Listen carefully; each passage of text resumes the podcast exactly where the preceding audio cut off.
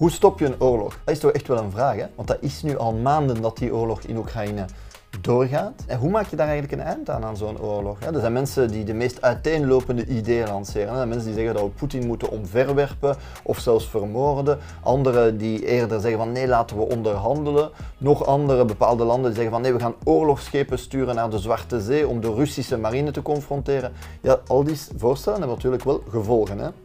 Laat ons dat eens analyseren samen. Pepper Talk met Mark Potenga.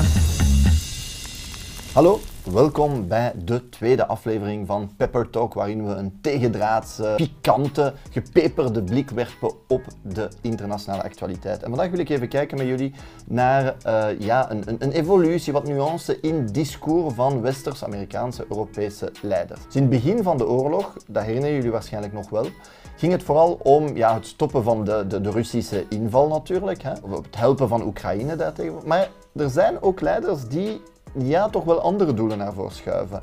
Denk bijvoorbeeld aan Liz Truss. Liz Truss is de Britse, van het Verenigd Koninkrijk, minister van Buitenlandse Zaken. En zij suggereert dat we misschien Oekraïne moeten helpen om ook de Krim te bevrijden of, of in te nemen. We verdubbelen onze inzet. We gaan verder en sneller om Rusland uit heel Oekraïne te duwen. Dus de Krim dat is een, een schiereiland dat tot 2014 bij Oekraïne hoorde en toen illegaal bij Rusland geïncorporeerd werd. Hè. Nu, dat is natuurlijk iets anders dan gewoon de huidige inval stoppen. Teruggaan naar de situatie van voor 2014, dat is duwen naar een bepaalde escalatie.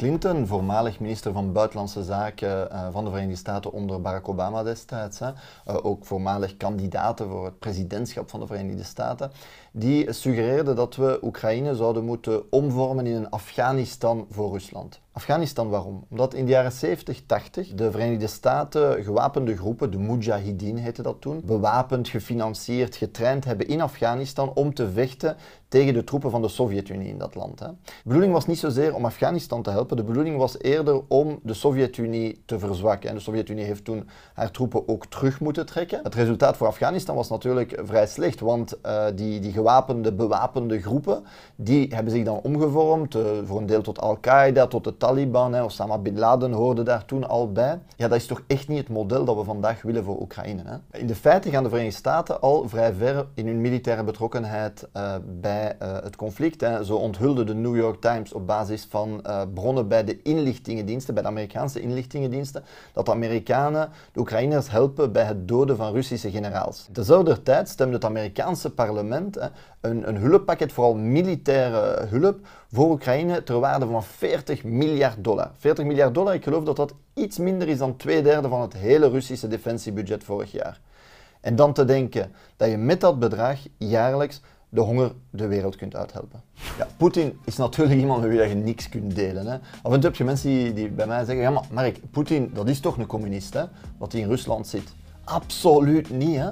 Dus de Sovjet-Unie die zich zo wat beriep op het communisme, die verdween in 91, 1991. Dat is 30 jaar geleden. En daarna is daar een, wild casino-kapitalisme gekomen. Hè, met de privatisering van alle openbare bedrijven, met de ongelijkheden die vandaag nog groter zijn in Rusland dan in de Verenigde Staten. En dus ja, dat, dat is gewoon een, een, een keihard kapitalisme daar. Hè. En daarboven komt er ook nog bij dat het steeds autoritairder geworden is hè, onder Poetin, dat regime. Dus met Poetin deelt je echt niks. De vraag die zich dan natuurlijk stelt is, als je een beetje meegaat in die westerse retoriek van Amerikanen uh, en van bepaalde Europeanen, wat, moeten we Poetin dan uh, van de macht verdrijven? Moeten we uh, Rusland volledig vernederen? dat is een vraag als je, als je een beetje in die retoriek verder gaat, die, die opduikt. als je dat een beetje au serieus neemt, ja, dan moet je eigenlijk zien dat er drie opties zijn. Ten eerste, de optie natuurlijk van direct militair ingrijpen hè, in Rusland, hè, Moskou bombarderen. De tweede optie is proberen een, een opstand tegen Poetin, een revolutie tegen Poetin uit te lokken. Derde optie is Rusland militair totaal te verzwakken en dat het land verder eigenlijk niks meer kan doen. Laten we die drie opties eens stap voor stap bekijken. Laten we beginnen met de eerste optie, de rechtstreeks militaire aanval. Hè. Dat is wat Bill O'Reilly, een politiek commentator op Fox News, de televisiezender in de Verenigde Staten, uh, suggereert. Uh, de bewapening van de Verenigde Staten gaat veel verder dan wat Poetin heeft. Als we dat wilden, zouden we hem en zijn regering in minder dan één dag van de aardbol doen verdwijnen. De wapens hangen klaar in de ruimte, op hem gericht.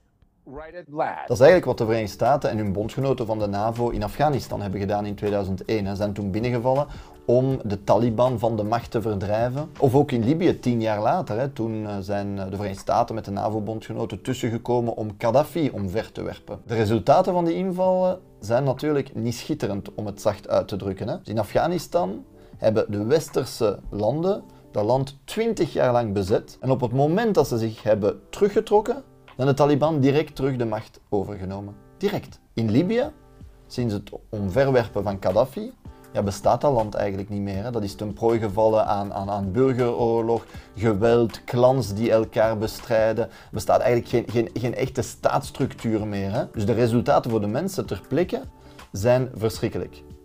Wanneer gaan we nu eindelijk eens de lessen trekken van de gevolgen van al die mislukte militaire interventies van het Westen? Dat is wel de vraag. Wat al duidelijk is, is dat de logica van escalatie, van militaire opbod, van militaire interventie, die bijzonder gevaarlijk is. Rusland is en blijft een grote kernmacht. En als het in, in de hoek gedreven wordt met de rug tegen de muur, dan zou het wel eens kunnen overwegen om die ook te gebruiken. Hè? Roger Housen, kolonel van het Belgisch leger, die zei recent in de krant dat als de Amerikanen en de Britten alles doen wat ze zeggen, dat we dan recht op de Derde Wereldoorlog afstevenen. 100 seconden, minder dan 2 minuten. Dat is hoe ver we volgens een groep wetenschappers in de Verenigde Staten staan van een kernoorlog. Zij houden de Doomsday-klok bij. En dat is een klok die uh, aftelt, bij wijze van spreken, naar het einde van de wereld of toch naar een, een nucleaire oorlog, een kernoorlog. En dat toont aan hoe groot het risico vandaag is. Noam Chomsky, de progressieve intellectueel uit de Verenigde Staten, zei recent nog op de VRT dat we nog nooit zo dicht stonden bij een derde wereldoorlog als vandaag. Ik denk niet dat er sinds Wereldoorlog 2 nog zo'n gevaarlijk moment is geweest. Dat moeten wij absoluut vermijden. Daar moeten we alles aan doen om dat te voorkomen. Laten we nu eens kijken naar de, de tweede optie. Hè. Dat is de regime change van binnenuit eigenlijk. Dus het regime veranderen van binnenuit door steun te geven aan, aan dissidenten, uh, bepaalde organisaties ter plekke te financieren, uh, in de hoop dat die dan het regime daar omverwerpen. Dat is eigenlijk een vrij klassieke manier van doen voor uh, westerse regeringen, voor de Verenigde Staten natuurlijk, ook voor Europese regeringen. Hè. Je probeert dan de, de, politieke opinie te beïnvloeden of, of tenminste dissidenten te duwen zodat zij het regime omver kunnen werpen. In Latijns-Amerika hebben de Verenigde Staten zo hele staatsgrepen georganiseerd hè, om uh, ja, mensen te installeren. Dat zijn dan geen presidenten die, dienen, die de belangen dienen van, van, van de gewone mens in dat land. Hè. Dat zijn presidenten die dan de belangen moesten verdedigen van de Verenigde Staten en van hun multinationals in Latijns-Amerika. Europese landen uh, deden hetzelfde in, in bepaalde Afrikaanse landen. Hè. Dat is natuurlijk allereerst ook niet erg democratisch. Hè.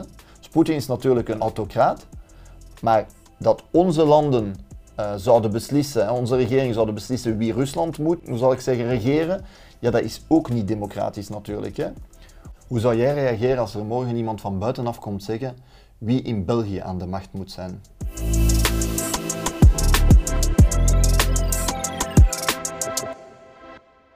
Dat is trouwens ook gevaarlijk, want je creëert dan ook instabiliteit. Instabiliteit in een kernmacht als Rusland. Ja, daar moeten we toch heel, heel hard mee oppassen. Hè? Ten tweede, is dat ook een schending natuurlijk van het internationaal recht. De, de niet-interventie, niet tussenkomen, de niet-inmenging in de binnenlandse aangelegenheden van een land, tja, daar ga je dan gewoon los over. Hè. Dat, dat, kan je dan helemaal niks schelen. En tenslotte moeten we ook oppassen, want dat kan ook contraproductief zijn natuurlijk. Hè.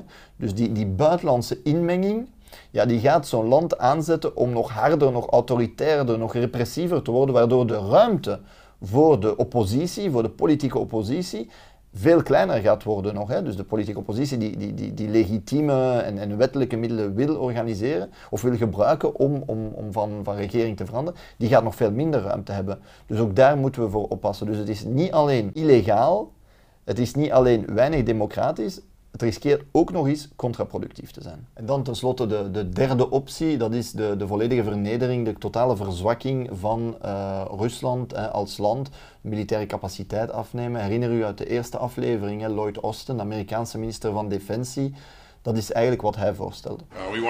Uh, Wij willen Rusland zo verzwakt zien dat ze geen mogelijkheid meer hebben om dingen te doen zoals ze nu in Oekraïne doen. Uh, nu, het vernederen van een land is bijzonder gevaarlijk. Dat leert ons Versailles. Versailles, niet het paleis, een mooi paleis, nee, maar wel het verdrag van Versailles. Even sprongetje terug in de geschiedenis een 100 jaar, een eeuw geleden eindigde de Eerste Wereldoorlog. En wat gebeurt er op het einde van die Eerste Wereldoorlog? Dan gaan de winnaars van die Eerste Wereldoorlog, de geallieerden, die gaan dan aan Duitsland het verdrag van Versailles uh, opleggen. Dat verdrag van Versailles, ja, dat gaat Duitsland aanduiden als de verantwoordelijke voor de oorlog. En dat gaat Duitsland heel harde, heel zware uh, herstelbetalingen als straf opleggen. De Duitse staatsschuld gaat ontploffen. Duitsland kan dat niet betalen. Duitsland gaat uh, eh, 15% van zijn grondgebied verliezen. Uh, alle kolonies verliest Duitsland. 10% van de bevolking enzovoort. Dus dat, is echt een heel zware straf voor de verantwoordelijke van van de Eerste Wereldoorlog. Maar binnen Duitsland ja, gaat uh, dat verdrag van Versailles door de militaire elites, door de conservatieve elites en, en ook door de nazi's, daarna gebruikt worden om het, het nationalisme te mobiliseren, om, de bevolking rond het nationalisme te doen opkomen en in een logica die uiteindelijk gaat uitmonden in de Tweede Wereldoorlog. En dat is een van de redenen dat zelfs de Franse president Emmanuel Macron, en u weet, ik uh, heb verder weinig affiniteit of geen affiniteit met Emmanuel Macron, maar dat zelfs Macron moet waarschuwen dat we niet meer Rusland mogen doen hè, zoals we met Duitsland hebben gedaan in 1918. Het zal niet gebeuren door ontkenning of uitsluiting van een van beide, zelfs niet door vernedering. Want onze regering heeft zich in 1914 niet gehouden aan de belofte van na 45. In 1918 hebben we vernederd. Poetin is natuurlijk verre van de president die je aan uh, de werkende klasse in Rusland uh, toewenst. Um, dat is nogal duidelijk. Maar op internationaal vlak zou een andere president niet noodzakelijkerwijs een ander beleid voeren. En waarom zeg ik dat? omdat vroegere presidenten voor Poetin, en ik denk dan bijvoorbeeld aan Gorbachev, de laatste leider eigenlijk van de Sovjet-Unie, en Yeltsin, Boris Yeltsin, de eerste leider van Rusland na de val van de Sovjet-Unie, ja, die waren allebei ook tegen de uitbreiding van de NAVO. En het was net die uitbreiding van de NAVO waar Poetin zo uh, hard op reageerde. Hij zei van Oekraïne mag en zal geen lid worden van de NAVO. En dan zie je dat dat eigenlijk niet alleen in het hoofd van Poetin zit, maar bij een, ook een heleboel vorige presidenten van Rusland. Helemaal onlogisch is dat niet. Waarom? De NAVO is natuurlijk een, een militaire alliantie, hè, geleid door de Verenigde Staten, waar ook België lid van is en heel wat uh, Europese landen. En als die NAVO zich uitbreidt naar het oosten, zoals het de laatste jaren heeft gedaan, ja, dan komt de NAVO, het NAVO-grondgebied, natuurlijk steeds dichter uh, bij Rusland.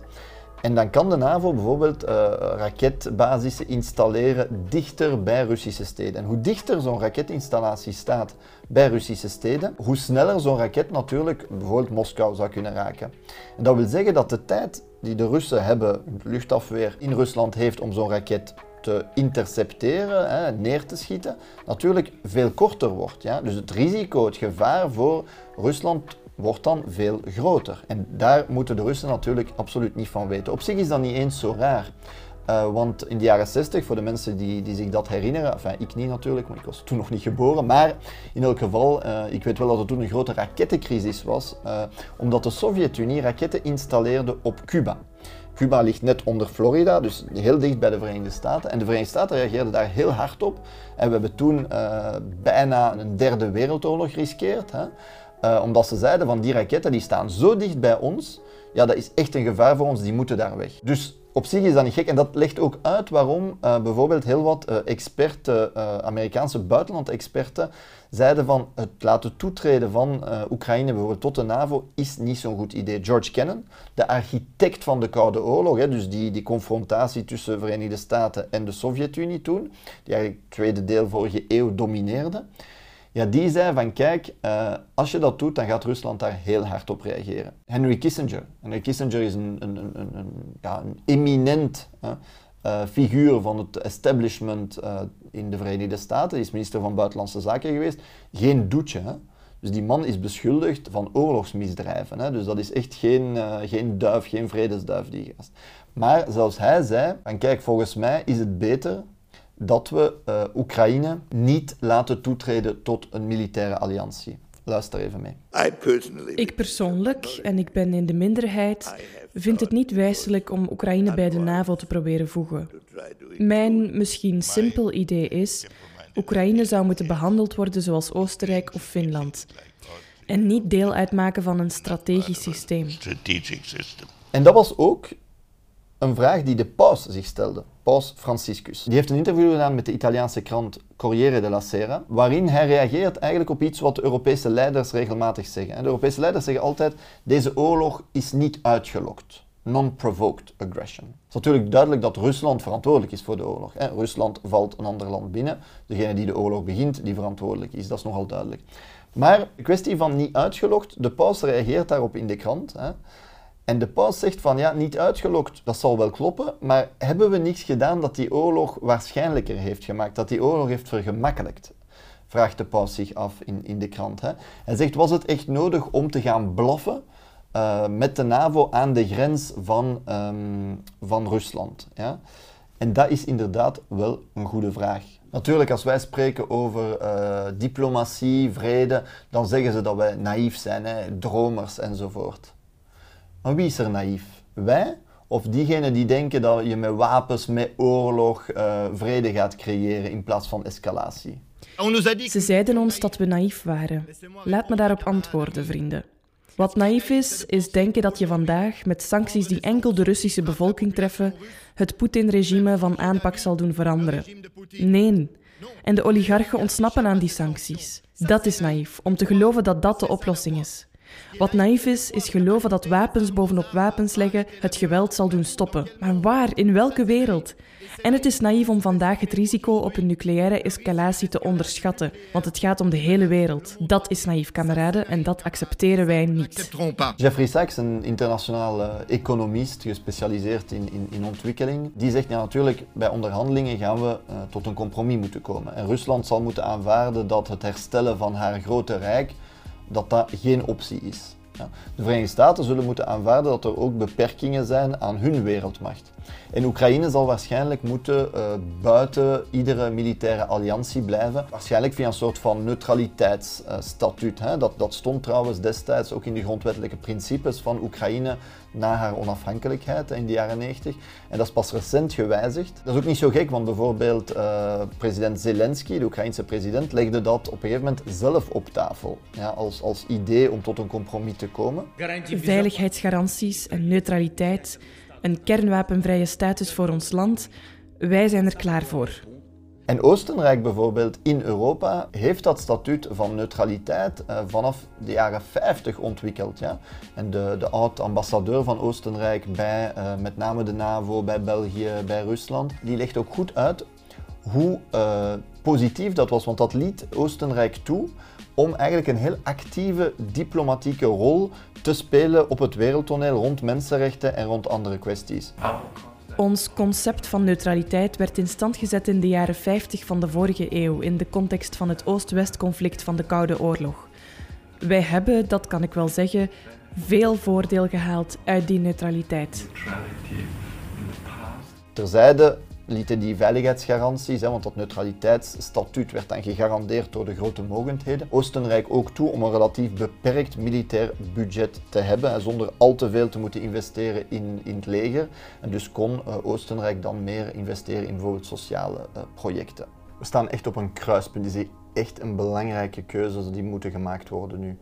Aan de ene kant komt Italië nu eindelijk met een serieus voorstel, een, een vierstappenplan voor vrede, waarvan onder meer de neutraliteit voor Oekraïne, een, status van, van neutraal land voor Oekraïne, deel van uitmaakt. Dat is belangrijk. Maar tezelfde tijd zie je dat landen als bijvoorbeeld Litouwen of Groot-Brittannië schepen, oorlogsschepen willen sturen naar de Zwarte Zee om daar de confrontatie met Russische oorlogsschepen aan te gaan.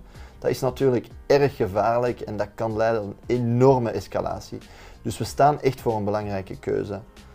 Er wordt wel eens gezegd dat als je vrede wil, je de oorlog moet voorbereiden. Maar wist u dat dat iets was dat eigenlijk uit het Romeinse Rijk komt? Dat werd gezegd door een, een, een hoge officier van het Romeinse leger. Ja, die zei dat. Als er iemand is van wie je geen lessen in vrede wilt nemen, dan is het wel het Romeinse Rijk. Het Romeinse Rijk heeft oorlog gevoerd, heeft, het, heeft heel Europa veroverd, zowat. Is oorlog gaan voeren in het Midden-Oosten, in Afrika. En die gaan ons uitleggen hoe dat je vrede bouwt. Nee, nee. Als je vrede wil, moet je aan vrede bouwen. En dat is nu heel, heel dringend. Voilà, we hebben weer heel wat uh, weg afgelegd samen hè, in deze tweede aflevering van Pepper Talk. Hè.